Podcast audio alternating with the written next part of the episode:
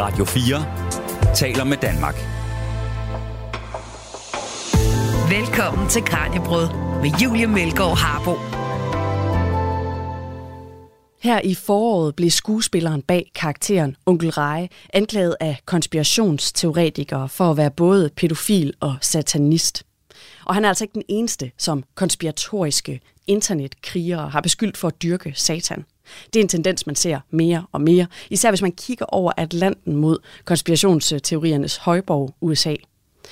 Men det er altså ikke første gang, vi ser den her frygt for satanismen udvikle sig til rygtespredning, der altså har ødelagt en del liv tilbage i 80'erne og 90'erne. Her oplevede man nemlig det, man kalder The Satanic Panic. Her endte alt fra musikere til folkeskolelærere med forfærdelige anklager om blandt andet misbrug af børn, blodoffringsritualer og satandyrkelse. Så hvorfor så vi denne her spredning af ægle rygter og beskyldninger tilbage i 80'erne og 90'erne? Hvad står der faktisk i satans bibel, og hvordan ser de virkelige satanisters verdensbillede egentlig ud? Og ser vi en ny satanic panic brede sig lige nu? Det skal vi undersøge i dagens program. Mit navn er Julie Melgaard Harbo. Velkommen til Kranjebrød.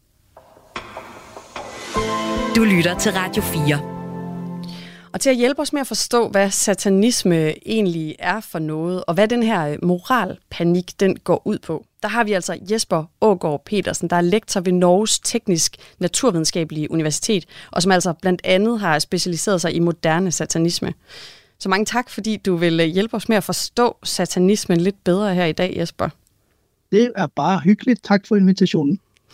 Og vi har jo nok at tage fat på i dag, øhm, og inden vi dykker ned i den her frygt for satanismen, så synes jeg, vi skal kigge lidt på, hvad satanisme overhovedet indebærer, hvad der egentlig står i satans bibel, og hvem de her altså såkaldte rigtige satanister er, hvordan øh, de dyrker satanismen. Så måske du til at begynde med vil fortælle lidt om, hvorfor der er forskel på forestillinger om satanisme og så satanistiske forestillinger. Altså hvorfor kan man adskille det sådan her? Ja, det kan jeg godt gøre. Øh, det er, det, og det er, en god, øh, det er en god dobbelthed, du har fat i der, fordi forskellen, satanisme kan jo være mange ting, øh, og satanisme har øh, jo mange år på banen. Strengt taget kan man sige, at det er lige så gammelt som kristendom. Men øh, satanismen har også en kulturel, øh, et kulturelt liv, øh, og der kan, der kan øh, den primært udfolde sig på to forskellige måder. Når vi snakker om forestillinger om det sataniske, så snakker vi om alle de forestillinger, der findes i et samfund, som har at gøre med den anden, hvis man skal være strengt taget. Det mørke, det marginaliserede og det, man er bange for. Øh, og der, de forestillinger, de har jo selvfølgelig ofte en, næsten altid en negativ karakter, selvom de også nogle gange kan pege på nogle sådan positive kendetegn ved, ved den anden eller det onde, for det, de kan jo for eksempel være vældig øh, seksuelle eller andre ting. Men strengt taget er det en negativ ting at snakke om, om øh, satan, og forestillinger om det sataniske. Og det er sådan et fjendebillede eller frygtbillede, der findes i samfundet. Det modsatte, når folk kommer og siger, at jeg er satanist, så må jeg jo, for jeg er også antropolog af baggrund, så må man jo se på, hvad de faktisk mener om sig selv. Og der er vi så inde på sataniske forestillinger, eller satanistiske forestillinger. Øh, de har et verdensbillede, som de beskriver igennem fortællinger, igennem handlinger, igennem tekster, igennem andre ting, og der kan man øh, ud af det udlede, hvad de mener om sig selv. Og den spænding, der er imellem forestillingerne om det sataniske, altså de her kulturelle satankoder, der findes, og så hvad satanister snakker om sig selv, det er et veldig komplekst samspil. De låner nogle gange øh, hinanden, og de øh, taler selvfølgelig mod hinanden. Og der, der finder man spændingen imellem øh, det at blive peget ud som satanist, altså det vi kalder attribution med et fremmedord, og så det man kalder identifikation, at man identificerer sig med de her, øh, de her ord, det her fjendebillede. Og der skal jeg jo sige med det samme, at indholdet i de sataniske forestillinger er jo ofte modsætninger af forestillingerne om det sataniske. De snurrer mange af de negative ting på hovedet og siger, ja, øh, de her væsner, som, øh, som korpulerer med hekse, der korpulerer med djævle, det, det er virkelig en positiv ting, for det er en fri seksualitet, for eksempel. Så på den måde får man noget negativt til at blive noget positivt. Eller oprør mod Gud er i virkeligheden oprør mod en diktator, en totalitær øh, verden, fordi mennesket er frit, der er født til at, at bestemme selv. Så, så de snurrer de her ting på hovedet og udvikler en egen satanisk, øh, et eget satanisk verdensbillede. Så det, det, er en, det er en god måde at tænke på, at der både er forestillinger om og øh, egne forestillinger. Og hvis vi skal dykke lidt ned i de her egne forestillinger, øh, som satanisterne måske selv har, øh, om deres, som er deres verdensbillede, altså hvad er det så, øh, de mener, når de siger, de er satanister? Hvad er det ligesom, man sådan i hovedtræk, hvad er det for en mm. filosofi, man køber ind på så? Ja, det, der, det, igen, det, det er ofte ganske komplekst, men vi kan starte et sted, hvor, hvor jeg kan se nogle ligheder mellem forskellige typer sataniske verdensbilleder. Det er, at de, det, der er næsten ingen af dem, der tilbeder Satan. Altså det at tilbe Satan, eller opfatte Satan som, som en guddom, man skal øh, kopiere, det, det, det kalder de alle sammen et kristent verdensbillede. Altså der vil man blive i kristendom. Så det, det er noget med at gå væk fra en tilbedelse. øh, det de tilbeder, det går på tværs af dem alle sammen, det er jo, at de tilbeder sig selv, Øh, og så opfatter de jo Satan som en positiv rollemodel, eller en, en mytisk skikkelse, som viser en masse karaktertræk, som er positive, og som man skal prøve at udvikle i sig selv. Og der læser de jo netop den, for eksempel den kristne grundfortællinger, eller andre grundfortællinger og myter om, om øh, onde væsener. Og så siger de, her i der findes en kerne af sandhed, men den er blevet skjult i kristendommen, eller islam, eller buddhismen, og vi prøver at redde de her øh, værdier og gøre dem positive. Og det er jo sådan noget som at man er autonom som menneske, man er, man er selvstyrende, man, man, er en eget, man har en egen identitet, man, man kopierer ikke andres, man har en sund seksualitet, man bruger fornuften, man, man øh, lader sig ikke styre af en bog, eller hvad andre siger, men man finder ud af ting selv. Øh, så, så det går igen, at, at øh, satanisme, det minder mere om øh, heroisme eller andre ismer, som er noget med en, et kendetegn, man på, påtager sig selv, snarere end at være den Gud, man dyrker. Øh, i kristendommen, der, der peger man jo på noget helt andet. Det er en anden type religion. Så, så, så satanismen, det er en form for selvdyrkelse, og så kan den så have forskellige tøj på, alt efter hvilken satanist man møder. Og nu siger du, at det blandt andet indebærer i hvert fald øh, ofte, at man ikke følger nogen bog, ligesom man i kristendommen mm. følger Bibelens øh, ord. Men at der er en satanisk bibel, er det ikke rigtigt nok? Jo, det er rigtigt.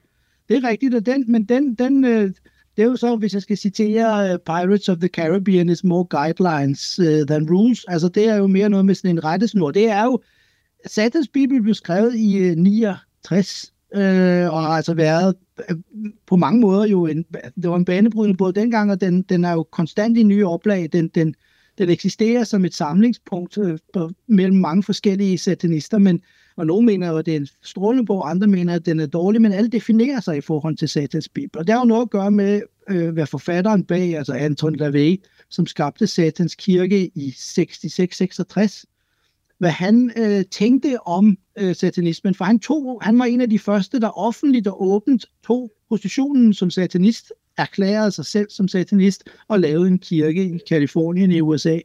Og der havde han, jo, han havde brug for en, en, en bog, både for altså, hvis man skal være lidt fræk for at tjene nogle penge, han var også en gammel karnevalsmand, så man, hvis man har en god idé, så må man jo sørge for at få noget ud af den, mens man har den. Øh, så bogen var både et, et forsøg på at gøre satanisme kendt, men også for at få hans tanker ud i, øh, i USA på det tidspunkt. Og han, han skrev den jo midt under uh, Summer of Love og, uh, og hippiebevægelsen og, og, og ungdomskulturens uh, fremvækst. Uh, så meget, mange af de ting, der står i Satans Bibel, peger jo mod nogle af de samme frigørelsestanker. Men han var samtidig på sin vis rimelig konservativ. Øh, så i Satans Bibel er der meget, som er decideret anti-hippie. Øh, for eksempel, han taler mod stofmisbrug, han taler mod, øh, øh, han taler mod sådan en, en, en seksualitet, som er ukontrolleret. Han mener, det er vigtigt, at man tænker over, hvilke fetischer eller lyster man har, og så bruger man dem. Det handler ikke bare om at have sex med hvem som helst og hvad som helst. Og så, så, så han placerer sig et, et, et særligt sted. Så Satans Bibel, den, den peger på, på nogle ting, som er blevet lidt af et satanisk fællesgods, i hvert fald inden for den vældig øh, udbredte form for satanisme, som man kan kalde rationel satanisme eller filosofisk satanisme. Øh, og så er der mange andre satanister, som har brugt den som indgangsport til måske et videre, andet, mere komplekst verdensbillede for dem øh, fordi den jo netop har den forholdsvis sådan rationelle eller filosofiske tilgang til brugen af satan og, og hvordan man placerer sig selv. At man placerer sig selv som modstander, for satan betyder jo modstander. Øh, modstander, men modstander til de dele af samfundet, som man mener er, er sådan, pøbeltanker, eller, eller folk løber efter øh, dumme idéer, og sådan, at man er mere kritisk, man er netop mere sådan selvberoende. Øh, men jeg kan, godt, jeg kan godt sige lidt om Satans Bibel. Den er interessant også, for den, altså, jeg har lavet nogle studier af den, fordi den på mange måder er elegant, fordi den kombinerer, altså karnevalsmanden ikke kombinere mange forskellige spor, som kan være satanisme, i, i sin bog for at maksimere den impact, han ønsker at have. Så, så store dele af bogen er det her filosofiske satanisme, hvor han beskriver forskellige ting på, på vældig sådan elegante øh, filosofiske essays. Men så er der også en første del, som er, som er kendt, uh, The Book of Satan, den er delt i fire, som, som er en, øh, en vældig sådan, brutal og barsk og vældig antikristen del. Øh, og han brugte den selv som en slags psykodrama eller en indgangsport, at folk skulle igennem den her bog for at komme til det filosofiske, fordi man er nødt til at rense sig selv for det her øh, hykleriske tankegods for ligesom at frisætte sig selv. Øh, og den, den er selvfølgelig ofte blevet læst op fra, når folk skal sige, at det er en ond bog, fordi det er en ganske brutal tekst, men den er performativ på samme måde, som du ser det i dag på, på scenen. Og hvad står der i den? Øh, blandt, ja, der, der, der står for eksempel, at, at man skal, man skal øh, at man skal bare le af den korsfæstede Gud, og, og alle guder skal, skal under bussen. Og, øh, altså det, det er sådan en ganske brutal øh, tekst om, om ligesom satanisk verdensherredømme og individet, der skal brænde og sådan. Men, men den, er, den, den passer meget godt til sådan at rense luften, kan man sige, og spille på den satankode, jeg snakkede om før, forestillingerne om det sataniske, og ligesom få dem ind i et spor, hvor han så i næste bog, The Book of Lucifer, som den hedder, der kan han sige, okay, nu har vi ligesom haft det sjovt, nu har vi haft en øh, lille teater, hvor vi har råbt højt, nu skal vi ligesom sætte os ned i en lænestol og finde ud af, hvad indholdet i det her verdensbillede faktisk er. Og så de to sidste dele af bogen, uh, The Book of Belial og The Book of Leviathan, de har noget ritualmagi. Altså forskellige ritualer, man kan bruge, uh, både kollektivt, men også uh, individuelt, til ligesom at, at, at, at forme det her verdensbillede ud i handling. Og hvad er det, for en type, er, ja, hvad er det for en type ritualer, der er beskrevet ja, de der? ritualer, altså han lavede så også en bog senere, der hedder Satanic Rituals, hvor han udvidede den her blomsterbuket med endnu flere ritualer. Men de, de ritualer, der er i Satans Bibel, det er tre. Der er et kærlighedsritual, eller et sexritual, lystritual. Der er et øh, ødelæggelsesritual, og så er der et medlidenhedsritual. Og, og det, det, han mener med det, er jo, at, at sexritualet bruges til at tiltrække en partner, øh, ødelæggelsesritualet bruges til at forbande en modstander, og medlidenhedsritualet bruges til at, at få noget, man gerne vil have, enten en selv eller øh, hjælpe andre. Så, så, men, men det vigtige her er jo, at, at Lavey mener, at det her er psykologi og psykodrama, altså det er ting, man kan bruge for at, at skærpe sig selv øh, og udfolde sig selv. Øh, han, han kommer ikke særlig langt ind i sådan noget, hverken bede eller afkræfte i forhold til sit eget verdensbillede om, hvordan han tror på det, men det er tydeligt, at, at andre satanister øh, i Church of Satan specielt opfatter det her som, som, øh, som psykologi og som teater. Men det kan så være lige så vigtigt, som hvis det var virkeligt, virkeligt. Altså, fordi teater kan også ændre på dig. Det at gå ind og se en god film eller deltage i et skuespil kan ændre på dig lige så meget, som hvis det var virkeligt. Der er ikke den forskel på virkelighed og, og, og, og kunstneriskhed. Du, du får, kan få lige så meget ud af det, det kunstneriske eller det falske. Og det, på den måde, altså det, det, vi er fremme i det med karnevalet igen. Altså, det, det kan være vanskeligt at se, hvad der faktisk er hvad der er vits og hvad der er alvor. Det kan være vanskeligt at se, hvad der er virkeligt og hvad der er teater. Og det er hele pointen.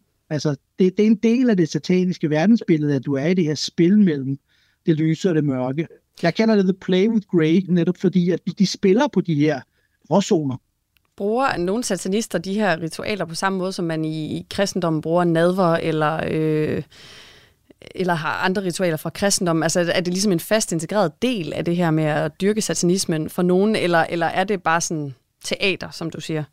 Det er vældig individuelt. Altså, det, jeg vil sige, det er jo altid teater, i hvert fald for den her type filosofiske satanister. Der findes også andre satanister, som øh, jeg kalder okulte eller esoteriske satanister, som er mere religiøse, klassisk religiøse i deres tilgang, altså hvor de tilskriver ritualerne en, en anden form for kommunikation med en anden verden og sådan. Men, men, men, men øh, også den forskel, så, så går det jo igen, at, øh, at, at du, det er mere noget med, om du laver dem individuelt eller kollektivt. Og der er ikke noget, hverken i Satans Bibel, eller i Church of Satan, eller i andre sataniske grupperinger, der er ikke noget krav om, at du skal deltage på samme måde som i en nadvånd, som, som er ligesom et af de to store sakramenter i kristendommen, og det er en del af frelsesvejen.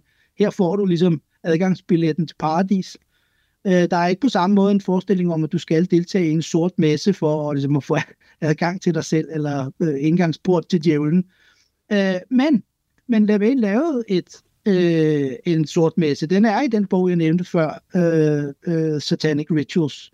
Men igen, han gør tydeligt opmærksom på, at det her er igen et psykodrama, som han kalder det, altså en udlevelse af psykologiske tanker i en te- teatralsk form, for ligesom terapeutisk måske at komme af med noget.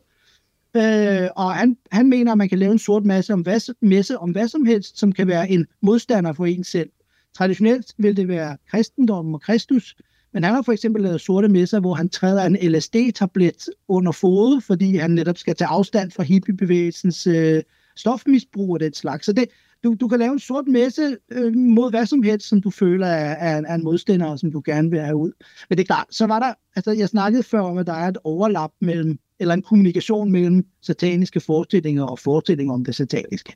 Og det ville jo være dumt, hvis ikke satanister brugte det, at satanismen er farlig, også til ligesom at lave hvad skal man sige, offentlige psykodramaer. Det der det at invitere til en sort messe, selvom det bare er teater, der spiller du jo på, at det er noget farligt, der spiller du på folks nysgerrighed og lyst til at opleve det dramatiske.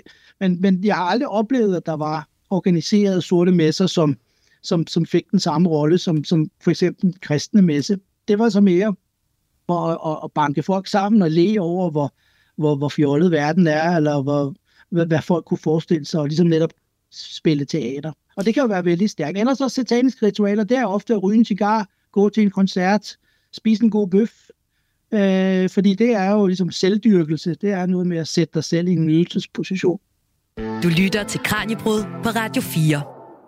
Der er jo rigtig mange forestillinger om alle de her øh, ritualer, og altså, som jeg også nævnte før, at man har mange idéer om nogle ukulte blodoffringsritualer. Hvis man ikke ved noget om satanismen, så er der ligesom har man, mm. får man hurtigt et indtryk af, at det er, meget voldeligt og voldsomt det hele. Mm. Altså har der overhovedet været nogle tilfælde, øh, hvor satanister, selvproklamerede satanister, har, har begået en slags øh, sådan ukulte ritualer, som, som ligesom er blevet kendte og har skabt, altså har været med til at puste til den her frygt, man har haft for satanister? Ja, altså øh, mm, som med alle andre religioner, så findes øh, satanismen jo som et tankesæt. Og, og, og altså, der findes både de her forestillinger, som du så rigtigt siger, er ofte er vældig øh, ubehagelige og kritisk negative med, med blodoffringer og sådan. Og, og, og så findes der jo øh, forskellige sataniske forestillinger. Men, men, men det er klart, at fordi satanister er så individuelle, så, så øh, øh, kan, er de jo på sin vis, altså man kan ikke tage dem som repræsentant for deres religion på samme måde, som du ikke kan tage en kristen, som eventuelt bliver kriminel som repræsentant. Så der, altså, der findes selvfølgelig folk, der kalder sig satanister og gjorde uhyrelige ting, men de har ikke gjort det i satans navn, eller i, i hvert fald ikke i satanismens navn. Øh, og som, som, øh, som, som religion, der vil jeg sige, at den øh, i sin mangeårige karriere er, er på mange måder mere fredelig end mange af de store monoteistiske religioner, fordi den netop er så individualiseret, så du får aldrig de her kollektive mobs, der går ud og, og laver ballade. Øh, og så er det klart, når du går tilbage før, altså i hvert fald før 2. verdenskrig, og begynder at bevæge dig ind i sådan en mytologisk tåget øh, territorie, hvor vi som historikere og antropologer ikke helt kan sige, om der faktisk fandtes tatanister dengang, hvor meget af det, der var, der var forestillinger om andre. Øh, for det er der åbenbart, at der var masser af forestillinger om andre. Vi, vi har nogle eksempler på folk, Bødner for eksempel i 1600-tallet, der der, der skriver breve til satan, og så putter ind i kirkemuren for for eksempel at få en bedre høst, eller de har mistet alt deres kvæg, og nu håber de på, at lykken kan vinde, og sådan. Og så kan man lige så godt prøve at spille på modstanderen. Øh, men at kalde dem satanister, det er jo lidt at trække den lidt langt, fordi det er åbenbart, at de stadigvæk befinder sig i et sådan kristen kontekst, og, og, og der tænker de, at de må hellere bare spille på så mange heste som muligt for at maksimere deres muligheder. De, bliver nu også, de kan nu også blive dømt og, og, og komme i fængsel. Øh, men når vi går langt nok tilbage, så, så vil jeg nok sige, at, at, at historierne er jo netop af en, af en øh, mytologisk karakter. Det er nogen, man fortæller om andre. Det er aldrig noget, man, man gør selv. Men altså, jeg kan jo ikke udelukke, det er jo det, der er problemet med at bevise noget negativt. Jeg kan ikke udelukke, at der findes en, der både har kaldt sig satanist i fortiden og har begået uhyrligheder. Men alle de klassiske historier, altså øh, øh, Øh, ja, altså, du, du har en lang række af sådan klassiske fortællinger om øh, gerne adelsfolk eller, eller, eller folk af jødisk afstamning eller noget andet, som ligesom var marginaliseret i forvejen, som så blev beskyldt for at have sataniske tilbøjeligheder og, og, og bade i blod og den slags, og det viser sig altid at være netop forestillinger, der går igen. Og noget af det, vi kan genkende, er jo, at det er den samme, det er samme mønster i fortællingerne, lige meget hvem der er den gode og den onde. Altså, kristne er også blevet beskyldt for blodoffringer af romerne, hvis du går langt nok tilbage. Så så, så det, det virker nærmere som en ting, man beskylder andre for, noget, der skulle være specifikt for satanister. Mm.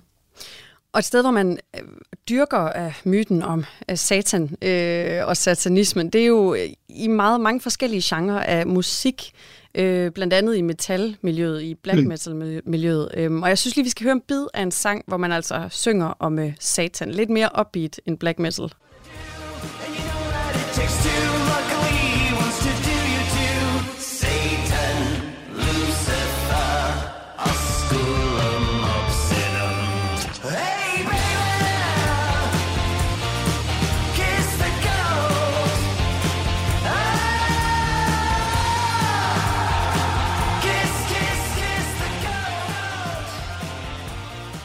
Ja, det var altså nummeret Kiss the Goat af det svenske band Ghost.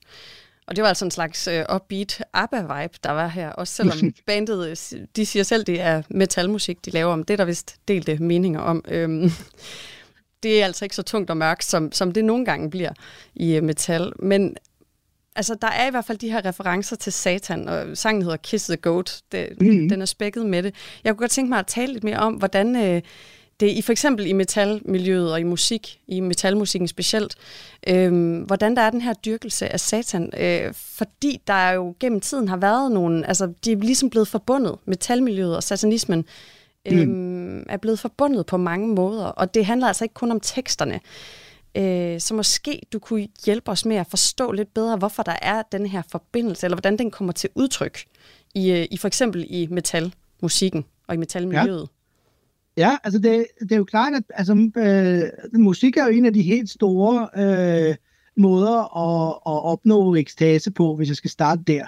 Altså, romerne havde wine, women and song, vi har sex, drugs and rock and roll, og det er klart, der er du allerede på satans parti, hvis du skal være inden for et kristent verdensbillede. Altså musik og kvinder øh, og alkohol skal værnes om, fordi det er det er farlige elementer, som, som kan, kan, kan drive dig i ekstase, eller hvis du lever i en, i en kultur som vores i dag, en sekulariseret vestlig kultur, så er det, det er måder at ligesom nå, nå øh, det guddommelige på i anførselstegn. Altså, at du kan komme fri for din tilværelse. Så, så det er klart, at de er på satans, øh, øh, øh på satans hold, og så samtidig lige præcis metalmusikken har jo altid stået den, den, den har jo altid drevet øh, af, af ungdomsoprøret, af en sådan seksuel, øh, handlekraftig kultur. Det ligger i både i musikken som lydbillede, men også ofte i teksterne. Sådan en, en ofte sådan maskulin, handlekraftig, seksualiseret kultur. Det er nogle af de grundelementer, som, som man kan trække ud af, af Satan som, som mytologisk figur, og dermed styrke sig selv. Så det er jo ikke så mærkeligt, at rockmusik og metalmusik og, og Satan er blevet forbundet. At der så er mange der specifikt har brugt satan. Der må jeg jo igen typisk som forskersvar sige, at der er mange komplicerede svar på det, fordi der kan være mange grunde til, at man bruger satan. Nogen vil bare tjene penge på det, og, og er i virkeligheden kristne. Øh, et godt eksempel er jo Black Sabbath, der begyndte at bruge øh, omvendte kors og, og spille øh, mørk musik og snakke om satan, men som jo alle sammen siger, at vi var egentlig sådan almindelige kulturkristne alle sammen, og synes egentlig bare, at det var lidt, sådan, uh, lidt uhyggeligt, og derfor var det cool at synge om. Øh, og der, men de skabte jo på mange måder, de er jo en af hoved, øh, øh, de er sådan hovedfigurerne i øh, mørk metalmusik. Øh, andre øh, har jo et mere ideologisk forhold til det, øh, og tænker, at her er en måde, altså satan, satan handler om, om at frigøre individet. Jeg kan bruge musikken til at frigøre mig selv, altså udtrykke mig kunstnerisk, men jeg kan også hjælpe andre igennem både musikken og, og, og teksterne til at og ligesom kunne, kunne, kunne finde sig selv, gå den samme vej som mig. Øh, og, så, men det, ja, og, så, og der kan man jo få forskellige lydbilleder ud det. Det behøver ikke at være metal, det kan også være for så vidt klassisk musik eller noget andet. Og så er der den tredje model, der blander de to på komplicerede måder. Øh, og der, det bedste eksempel øh, er jo King Diamond, som var, også var på Copenhagen sidste år, som jo faktisk er, eller var i hvert fald medlem af, af Church of Satan, øh, Øh, men samtidig jo spiller en total over the top. Altså han spiller jo netop på forestillingerne om det sataniske. Han tager så mange modbilleder og horrorfilm, han overhovedet kan ind på scenen, maler sig i ansigtet og bliver en frygtelig dæmonisk figur, øh, og synger tekster om, om, om satan og om dommedag og ødelæggelse. Men samtidig så var han satanist og, og, og sagde, at, at netop det at bruge det her spil, spil på det teatralske, få det ud sammen med publikum, lege med de her farlige ting, kan være satanisk i sig selv. Så, så, så der kan være mange grunde til, at, at man, man, øh, man kobler musik og, og, og satan, men, men, men de har jo alle sammen at gøre med satans at, at satan er en tiltrækkende figur. Altså, der er noget med det her grænseoverskridende og frisættende, som passer godt med det øh, kulturelle miljø.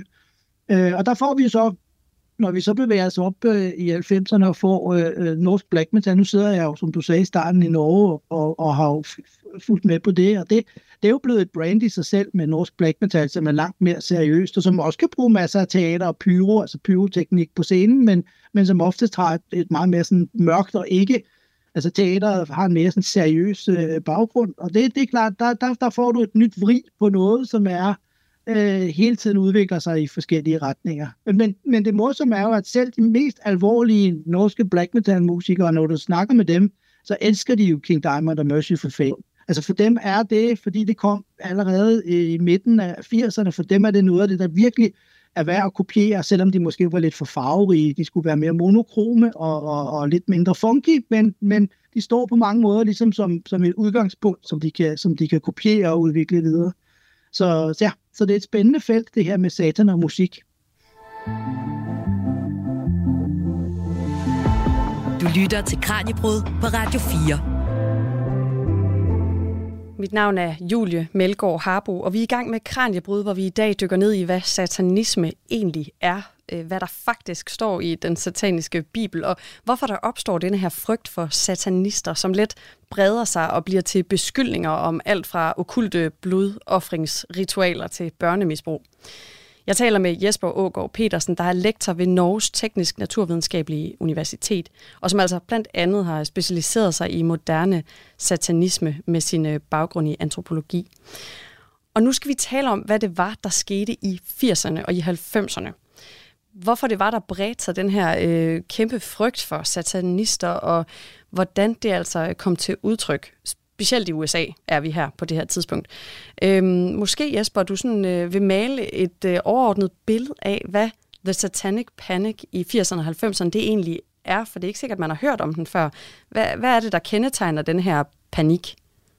Ja, det kan jeg, det kan jeg gøre. Altså, øh, Satanic Panic eller Satanic Ritual Abuse, som, som jo var, var, var udtrykket, der eksisterede på det tidspunkt uh, indefra om, om fænomenet. Satanic Panic er jo åbenbart noget, der sker udefra. Man peger på noget og siger, at det er en panik. Uh, Satanic Ritual Abuse, forestillingen, det er forestillingen om et uh, altomfattende, gerne globalt uh, netværk af satanister, som misbrugte børn. Det var, det var meget der fokus lå. Uh, og som på mange måder blev altså altomfattende igennem 80'erne. Det, jeg tror, det er, det er vanskeligt at forestille sig, hvis ikke man levede igennem det, hvor omfattende det var. Det, blev, det startede som, som en, en mere øh, øh, øh kristen sådan, øh, undergrundskultur i 70'erne, men blomstrede fra omkring 1980 ind til at blive et ekstremt medieeksponeret fænomen, som også fik konsekvenser ud i, i socialt arbejde, altså børne, barneværn og den slags mm, øh, øh, talkshows, øh, men fik, og, og ikke mindst politi. Øh, så, så det var ligesom, at, at den sekulariserede kultur, den almindelige værtslige kultur, tog et, et kristen fjendebillede og gjorde det til en virkelighed øh, i, i et helt årti, sådan at folk blev dømt uskyldigt for, for ting, de ikke havde gjort. Anklagerne fløj rundt øh, i luften om, om øh, netop misbrug og, og, og ypperste præsteroller og jeg ved ikke hvad. Så folk, altså alt fra pædagoger til, til læger og, og øh, øh, øh, ja, altså en, en lang række både sådan, øh, almindelige mennesker, men også elite øh, folk blev, blev beskyldt og kom i fængsel for, for, for ting, de ikke havde gjort. Men bare for, bare for at starte et, et sted, sådan, så folk måske kan forstå, hvor, hvor, hvor altomfattende er. Hvis du nu forestiller dig, at verden er fyldt med ondskab, at verden er fyldt med dæmoner, som ved det onde, og at verden derfor er en kampplads imellem dig alene, som står for det gode, og så ligesom det, det altomfattende onde udenfor, så bliver det moderne liv jo ikke særlig tiltrækkende, fordi så ser du ligesom resultatet af det onde omkring dig konstant. Du ser uh, fri seksualitet, du ser klimaændringer, du ser krig og død og ødelæggelse. Og så føler du også, at du må gøre noget du må, du må angribe den populærkultur og hjælpe de her børn og voksne, som skal udfries fra det onde. Øh, så hvis du har det på den ene side, og så har du en, en stor gruppe, som på samme måde ser på verden, og ikke ser det onde, men de ser uret. De ser folk, der bliver behandlet dårligt, børn, der burde have fået, fået bedre familier, eller børn, der burde, øh, øh, øh, som ikke burde sidde foran tv, øh, eller i dag foran mobiltelefonen og blive opdraget af den. De burde være opdraget af gode forældre med gode øh, værdier og den slags. Hvis du ser det, øh, så, så ser moderniteten jo heller ikke særlig god ud. Så ser du en masse børn, der bliver efterladt, og du ser øh, et, et helt samfund, som ikke tager tingene alvorligt. Og hvis det, som lader de to ting mødes, altså den mere kristne, demoniserede ondskabsforestilling, med en mere barneværns- øh, eller, eller sådan terapiforståelse af, hvordan verden, at der er nogen, der skal reddes, der får du satanic panic eller satanic ritual abuse skære, som den formelt hed øh, i eftertiden, når vi så tilbage på 80'erne. Øh, og, og, og, og altså en, en så stærk drivkraft for at, at, at redde specielt, at de uskyldige specielt børn, at, øh, at, at det fik øh, enorme konsekvenser for dem, der blev involveret. Startede den her panik øh, hos de kristne og bredte sig, eller hvordan fungerede det ligesom? Altså har den rod i øh, amerikanske kristne, der øh, var bange for det fremmede, bange for satan, og så bredte den frygt sig ligesom ud, eller hvordan ved man om? Ja, det, det, det, altså det, der er jo selvfølgelig lidt, øh, lidt forskellige sådan, øh, holdninger til præcis sådan, sådan årsagssammenhængende, men, men jeg vil i hvert fald påstå, at, at, at for at forstå Satanic Panic i, i 80'erne og 90'erne, så må du forstå i hvert fald øh, de to årtier, der går forud, altså 60'erne og 70'erne, fordi i 60'erne, der har du, hvad du kalder the occult explosion, altså der får du både i populærkultur, i musik for eksempel og andre steder, en masse okult okultur eller okultisme, som kommer ind og blander sig. Og det er både hekse og druider og Rosemary's Baby og alt muligt ballade, som eksploderer ind i film og, og, og populærkultur. Så du får ligesom, du, du får det synliggjort på en helt ny måde. Og i 70'erne, der har du nogle forskellige øh, begivenheder, der sker. Måske vigtigst af alt øh, øh følelsen af, af eller, øh, øh, frygten for brainwashing, hjernevask og, og de her øh, fremmede kulter, som de blev kaldt, eller sekter, øh, som kom ind og, og hjernevaskede unge mennesker og overtog deres liv.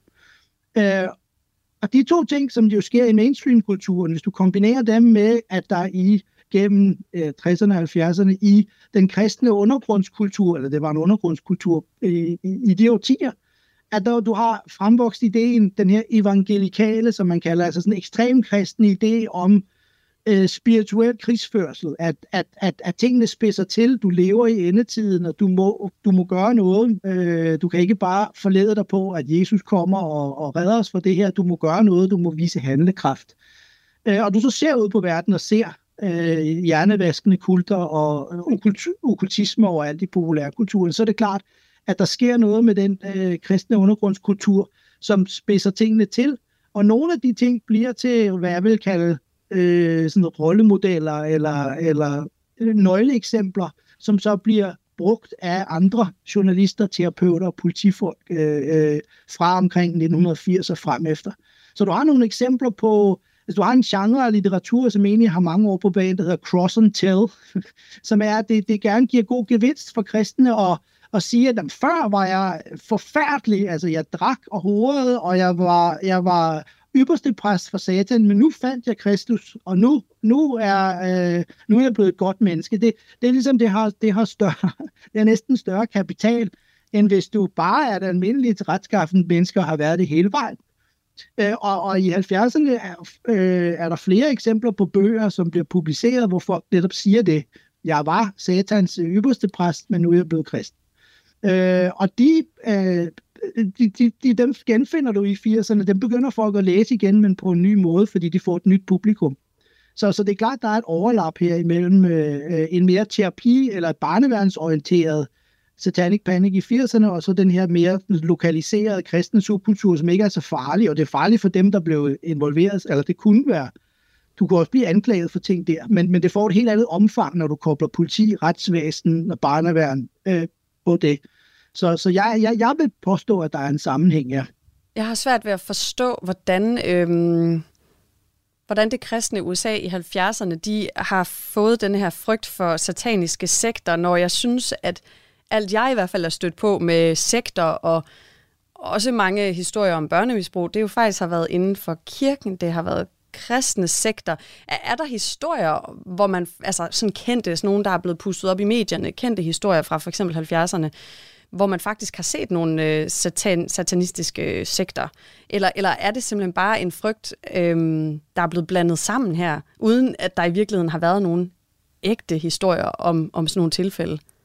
Ja, der, der, jeg, jeg vil sige, der har ikke været nogen tilfælde, som de kan bruge direkte. Der har været et tilfælde, som du også kender, men som ingen tænker over, hvor vigtigt det var, og det var Manson-morderne i 69. De, altså, øh, der er mange, der mener, at der døde. Det var, du, du, hvis du tager Summer of Love i 67 og, og øh, Manson i 69, der har du ligesom, så lang tid vejet Summer of Love og hippiebevægelsen.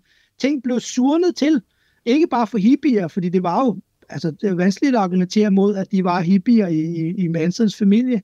Men det er klart, at, at fordi Manson øh, var fyldt med speed, og, og helt sikkert et barn, som skulle have haft en bedre opvækst øh, ind og ud af fængsler, så han sad jo og sagde hvad som helst. Øh, og det er klart, noget af det, Manson sagde, kunne tolkes i retning af, at det her det var ritualistisk og derfor satanisk. Det er meget hurtigt, man laver den kobling, at, at noget, der bliver til abuse bliver til satanic abuse, og så bliver det til satanic ritual abuse, og du finder ligesom, godt nok ikke mod børn, men du finder det mod mennesker i Manson som, som eksempel. Så, så jeg tror, Manson, du skal ikke undervurdere det som en mediebegivenhed, som du kan koble på stort set hvad som helst og sige, se, se der var et eksempel på de her galninge.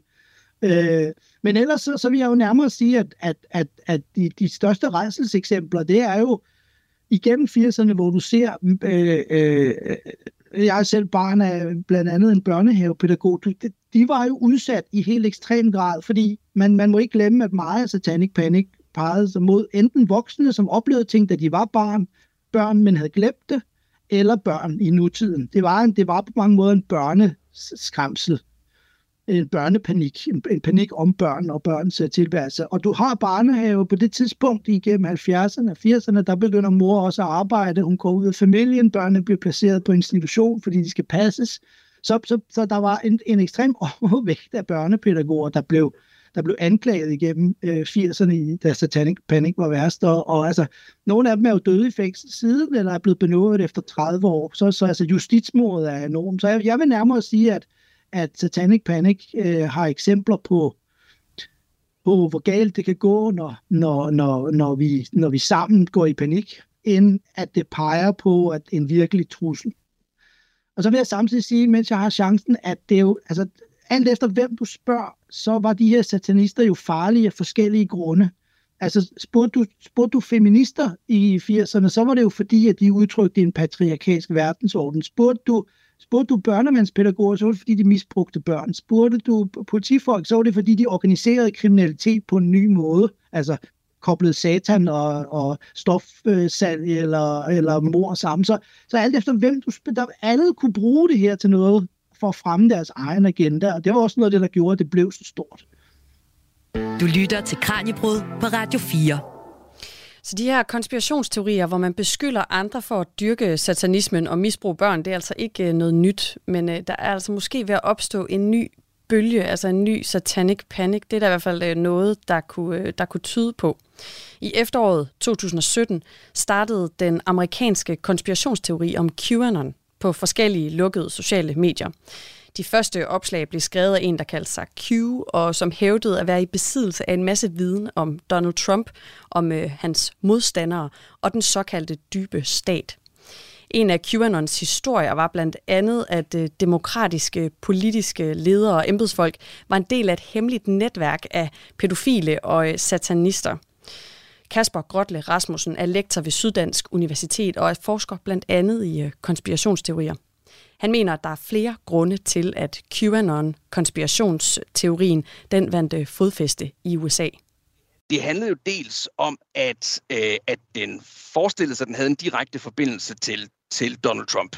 Den forbindelse er nu aldrig bevist. Øh, der er ikke nogen som helst beviser for, at Donald Trump aktivt har været i øh, samtale med en øh, whistleblower i hverken Energiministeriet eller nogen som helst andre steder for at få den dybe stat øh, ned med nakken. Øh, og man kan sige, selvom Trump ikke direkte har samarbejdet med Øh, øh, med QAnon-konspirationsteorifolkene, så har han nyt øh, rigtig godt af deres støtte, og han har også afvist flere gange at undsige dem. Så man kan sige, at det her meget stærke link øh, mellem Donald Trump øh, og QAnon-konspirationsteorien har været med til at, at få givet den luft øh, under vingerne der er også nogle andre elementer, der har været med til at, øh, at få den øh, ført frem. For det første kan man sige, at det her med den dybe stat, altså den her mistanke til den demokratiske embedsførelse, øh, øh, øh, det øh, var jo noget, som, øh, som både Donald Trump, men også andre fokuserede rigtig meget på øh, i den her periode. Vi skal huske, det i den her periode, hvor Trump øh, jo konstant var under øh, øh, efterforskning, blandt andet af FBI og andre, for hvorvidt der havde været en forbindelse til Rusland øh, øh, med hans øh, 2016 præsidentkampagne. Og øh, samtidig så den her dybe splittelse, polarisering mellem højre og venstre i USA, blev bare forstærket endnu mere. Der var ikke nogen, der kunne mødes. Man kunne ikke finde ud af øh, at få lavet noget sammen.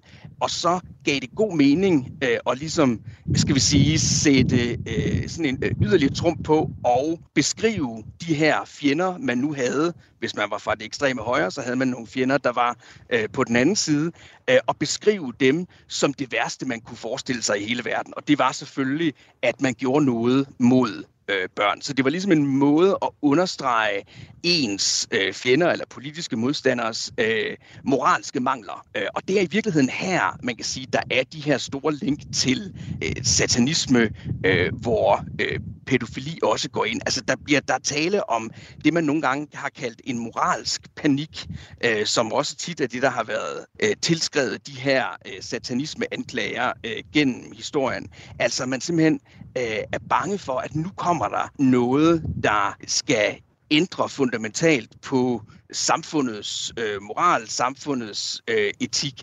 Øh, det kan så for eksempel være sådan en, en, en, en konspirationsteori som QAnon, der griber den her øh, chance for ligesom at skabe eller understrege en moralsk, øh, en moralsk panik. Men det kan også være nyskabelser eller idéer om, at vi får nogle andre forhold til, øh, til køn og seksualitet, øh, transpersoners øh, rettigheder og andre ting, der ligesom er med til at skabe sådan en moralsk panik, der er drevet af sådan en fundamental konservatisme, øh, der siger, at det her, det vil vi virkelig ikke have.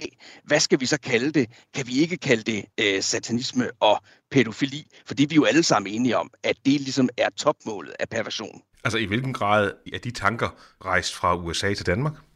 Jamen det er de jo, øh, må man sige, i nogen grad. Altså for det første, så kan man jo sige, at, at, at vi har været primet en lille smule øh, til det, fordi den her sataniske panik, som var sådan en moralsk panik fra sådan, øh, der, der kørte i USA øh, i 1980'erne, rejste også til øh, Europa øh, og var også noget, man ligesom så øh, allerede dengang. Så man var ligesom gearet til, at, at det her det kunne være et øh, det her det kunne være et issue.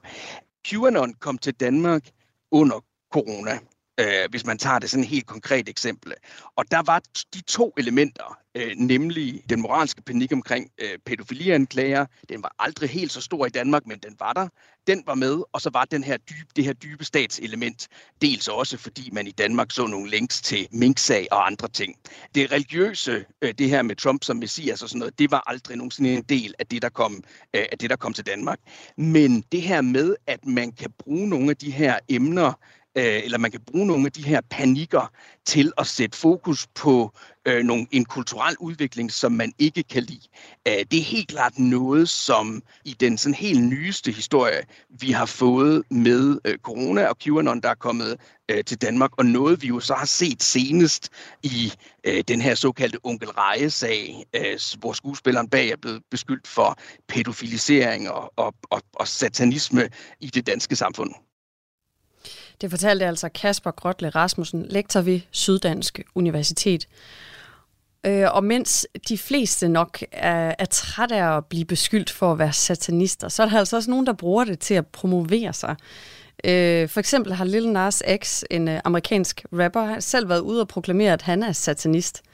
Og han er altså også lidt af sådan et øh, LGBTQ-forbillede. Øhm, hvordan kan man forstå det, Jesper? Altså, hvorfor kunne man forestille sig, at nogen gerne vil øh, ses som satanist. Hvorfor er det fedt for ham at spille antihelt, eller hvad man skal kalde det? Mm. Jamen det, det tror jeg ligger netop i det ord, du bruger. Altså antihelten er jo ofte en, en øh, vi lever i en kultur, hvor antihelten næsten har fået en, en stærkere øh, rolle end helten. Altså helten er så renskåret, og det, det, det er så selvindlysende, at, øh, at helten er en helt, men antihelten har alt det her, de menneskelige komplikationer og, og, og, og, og, og, og et liv, som, som ikke bare er let, men også hårdt, eller nogle lige, lidt moralske anløbende, og derfor er det lidt mere interessant. Så, så Satan, altså, det er åbenbart, hvis, hvis, hvis, hvis vi går tilbage til, hvad jeg nævnte tidligere omkring det her med, at, at du, du tager nogle, nogle ting fra kristendommen, for eksempel øh, øh, øh at Gud har placeret verden, har sagt, at vi ikke må, vi ikke må røre ved os selv, at vi ikke må øh, være alt for glade, at vi i hvert fald ikke må danse, hvor du så siger, nej, men hvis vi skal være ordentlige mennesker, så skal vi gøre alt det, som, som, som Gud ikke siger, og så er vi så på, på satans øh, hold, fordi det er det, øh, kristendom siger, så er det jo positivt at være. Altså, satan repræsenterer alle de her positive værdier, som, som kristendommen har, har, øh, har, har, har marginaliseret. Det er klart, at det, og det er jo en stereotyp beskrivelse af kristendommen, skal jeg sige med det samme, men, men, men ikke desto mindre, så har den en stor, tror jeg, social formativ kraft, så det kan på mange måder, om du er rapper, eller, eller metalmusiker, eller andre, så kan det være en fordel at alliere dig med, med, med, med at være på satans hold. Og det, der så er sket i de senere 10-15 år, det er jo med fremvæksten i det hele taget af sådan queer kultur, og, og at de tager mere plads i samfundet. At den kulturkamp omkring det at være queer og woke og alle de her ting, at det, det, det bliver jo mere og mere spidset til. Og, og igen, så kan Satan jo spille en rolle, fordi øh, hvis han repræsenterer det, der er blevet marginaliseret i det kristne verdensbillede, det er den, som Gud bad om at gå ud, ud for døren og blive væk, så er det han jo en rollemodel også for mange, der, der netop er øh, queer eller woke. Så, altså, så han repræsenterer, satans tilbagekomst repræsenterer jo netop også tilbagekomsten af det marginaliserede, øh, og derfor bliver det let at identificere sig med, øh, med, med det. LaVey, 60'erne øh, brugte på mange, han, at der var mange homofile, der følte sig tiltrukket af Church of Satan der i sen 60'erne og 70'erne, fordi de følte, at de havde et sted, hvor de blev forstået, og hvor de kunne få lov at udtrykke deres seksualitet. Og det samme sker i dag med Satanic Temple, der eksplicit har slået sig op som en slags politisk progressiv øh, øh, satanisme, som kæmper for lige rettigheder under, under loven i USA, altså at kristne ikke skal have fortrinsret. Øh, og der er der jo faktisk også et establishment, establishment clause i amerikansk øh, grundlov, der siger, at du kan ikke øh, give en religion magt, så de bruger konstant loven mod sig selv, satan, til at, at bryde grænser. Så, så det er ikke så overraskende. Det er vel også derfor, de har lavet uh, The Satanic Temple. Er det ikke også for, at man skal, skal man ikke have en kirke for sådan at kunne være etableret som, altså have konstitution, hvad hedder det, ret i, i forhold til konstitutionel, konsti- konstitutionel ret? Ja. ja. Men, og i USA med det, altså det, det igen, det, det bliver meget, lige når du blander jurister ind, så bliver det altid mere kompliceret. Det er ting, der er lette, de, når, når en jurist kommer, så puh, så bliver, og der, der, der, det, altså i, i virkeligheden så handler det først og fremmest om skattefritag på mange måder, det her med at være etableret. Altså det er ikke sådan strengt taget, at, at, at, øh, at, at alt det her med at være godkendt som religion, det er også noget, man, et udtryk, man bruger i Danmark, og det er egentlig lidt misvisende, fordi det er noget med, hvad kan kirkeministeriet gøre det samme i USA. Men, men det er klart, at, at de har jo fået, fordi de søgte om øh, skattefritag, og inden for den her paragraf, så er der en retsprøving, om de er en religion eller ej, fordi der var mange, der mente, de var en, en vits, en prank, øh, og hvad de jo også selv har sagt, at de var sådan 50-50 alvorlige og en prank, men, men de var i hvert fald nok 50 procent til at blive taget alvorligt som religion, og derfor få skattefritag under de her øh, øh, konstitutionelle øh, regler, som du siger. Så, så det, det er klart, at de har fået en helt anden slagkraft, øh, da, de, da de dukkede op i 2012, der var det på mange måder en sådan medie, medieborgen øh, gruppering, og så voksede de jo eksplosivt Satanic Temple i de fem år frem til, jeg tror det var i 2019, de fik, fik øh, de her skattefritagsretter, og, og altså, at, at de var en, en religion i, i retslig forstand. Og det er klart, at det, at det, er, jo en, det er en voldsom vækst på 10 år, øh, og, det, og, og netop, at de, at de har taget den rolle, som for eksempel Church of Satan bevidst ikke har taget i samfundet, fordi de mener, at det er til skade for satanister, hvis de begynder at kæmpe politisk, fordi du kommer sandsynligvis til at tabe i et land som USA, som, hvor kristendommen den, den, den gennemsyrer jo store dele af samfundet, og man ved det eller ej. Altså på trods af de regler, de har om, at de ikke skal gøre det, så er det jo i praksis et, et, et, et meget religiøst land sammenlignet med mange lande her i Europa. Ja, vel også derfor, at panikken er større der, end den for eksempel er herhjemme. Ja, nu er alt jo større derovre, så, så, og jeg hørte jo, jeg hørte jo at øh, øh, øh Kasper snakkede om, at, at, at øh, også satanismepanikken kom til, til Skandinavien. Det er jo for så vidt rigtigt, men alt er så meget mindre her, og vi er så meget mere afslappet her, så det blev jo mest lidt sådan okkultisme-nervøsitet, og så blev det meget hurtigt mere et spørgsmål om, kriminelle ungdom, eller at man for eksempel øh, Øh, blev øh, selvmorderisk af at, at, at læse Satans Bibel og den slags. Så det fik en drejning, som ikke på samme måde, vil jeg sige, havde den her ødelæggende samfundsmæssige kraft. Men, men alt, jeg selv barn af 80'erne, vi husker alle sammen, at også Dungeons and Dragons blev mistænkeliggjort i tv-avisen.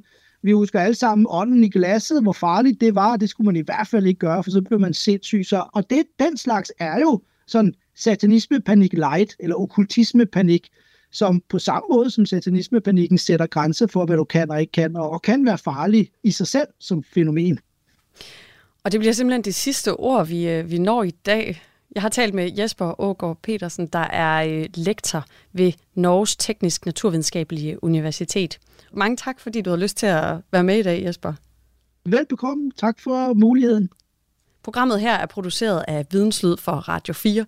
Mit navn er Julie Melgaard Harbo. Tak fordi du lyttede med.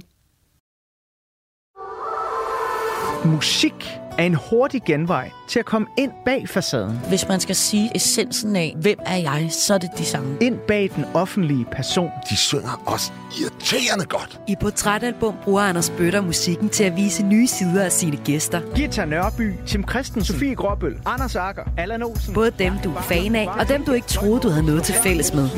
Velkommen til Portrætalbum. Lyt til Portrætalbum i Radio 4's app, eller der, hvor du lytter til podcast.